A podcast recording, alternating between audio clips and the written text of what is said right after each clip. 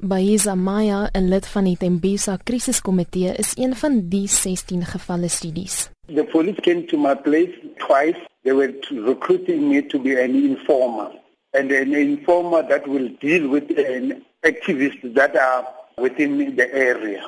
So I know and even they even spoke about how much are they paying. Hy het die aanbod van die hand gewys, maar is weer deur die polisie gekontak. I was phoned by one of police officer who claims to be from Protea. He said to me, I was in the in your meeting yesterday and I could hear you discouraging people to go and protest. That's good. Go and tell your people to stop. If you can't do that, we'll come and arrest you. Sy kinders is ook genader vir meer inligting oor hulle pa se doen en late. My kids are traumatized. I'm not living a good life the way they are doing things to, to my family. 'n Professor aan die Universiteit van die Witwatersrand se Sentrum vir Verdediging en Sekuriteitsbestuur, Antoni van Nieuwkerk, sê die verslag kan nie met internasionale spionasiepraktyke vergelyk word nie. Hierdie is nou nie 'n ontbloting op die vlak van Snowden wat vir die wêreld vertel het hoe die Amerikaanse intelligensiediens op elkeen wat 'n selfoon het of 'n telefoon het, spioneer nie. Dis ook nie die uitlek van hoogs sensitiewe inligting wat ons nou in die WikiLeaks gesien het in die afgelope tyd nie.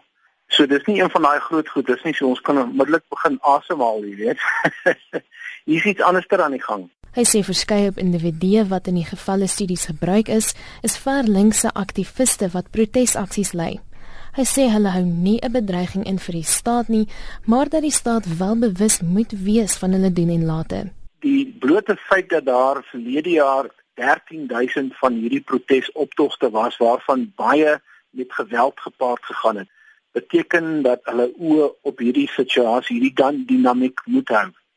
Nou ja, dit klink so 'n bietjie asof ek nou 'n voorspraak maak vir die intelligensiedienste om ons dop te hou, maar in hierdie spesifieke konteks dink ek maak dit baie sin vir die staat om te verstaan wat aan die gang is en jy hoef nie met die geheime dienste werk om te verstaan wat aan die gang is op die grondvlak nie.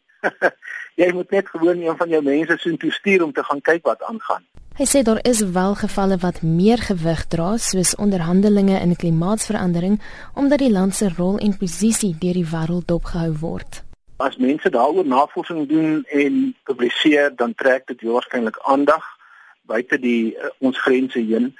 So, daar is nou ervarings gewees van mense wat by hierdie klimaatsveranderingskonferensies begin deelneem het, maar nie as ontleeders of akademici nie. Dis burgerlike samelewing of 'n NGO wat gaan proteseer teen uh, die een of ander land se beleid teen opsigte van klimaatsverandering.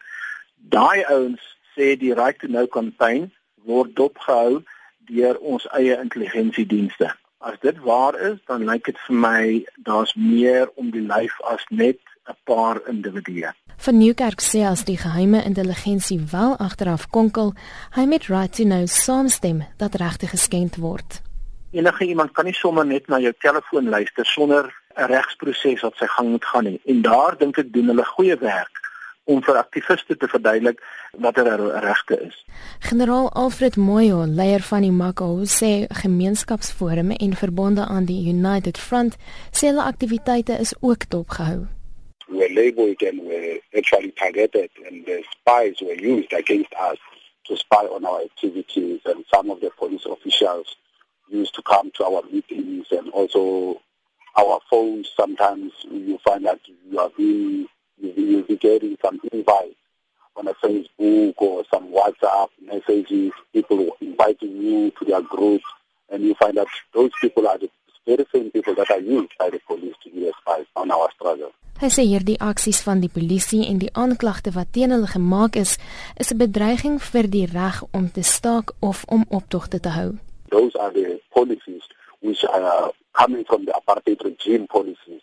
So they are still using it in the democratic